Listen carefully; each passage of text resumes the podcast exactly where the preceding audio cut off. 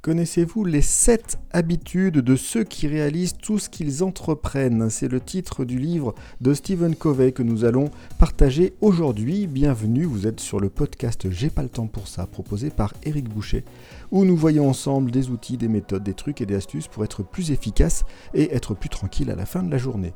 Alors, quelles sont ces 7 habitudes? Avant, Stephen Covey fait l'effort et prend le temps de définir les termes, ce qui est tout à fait agréable, et à commencer par c'est quoi une habitude Selon lui, dans sa définition, il définit une habitude comme le point de rencontre de trois choses connaissance, savoir-faire et du désir. C'est-à-dire, la connaissance répond au que faire et au pourquoi, le savoir-faire représente le comment faire, et au désir, il est le moteur, le vouloir faire. Et ce qu'il dit, donc je citais le livre, pour quelque chose dans ma vie devienne une habitude, je dois réunir ces trois éléments. Donc quand il nous parle de ces sept habitudes, il a pris soin également de définir en fait deux niveaux, ce qu'il va appeler la victoire intérieure et ce qu'il va appeler la victoire publique. Et vous verrez dans le livre, il y a un diagramme qui positionne ces habitudes justement sur l'intérieur, sur l'extérieur et avec la septième habitude à laquelle nous allons revenir. Quelles sont-elles? Allons-y dans l'ordre. Première habitude, soyez proactif. Deuxième habitude, sachez dès le départ où vous voulez aller.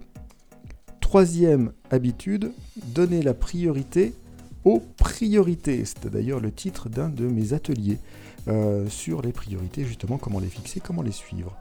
Ça, ce sont les trois premières habitudes dites de la victoire intérieure, donc interne. Et puis il a défini trois habitudes qui sont vers l'extérieur, donc dans l'interdépendance. Habitude numéro 4, penser gagnant-gagnant.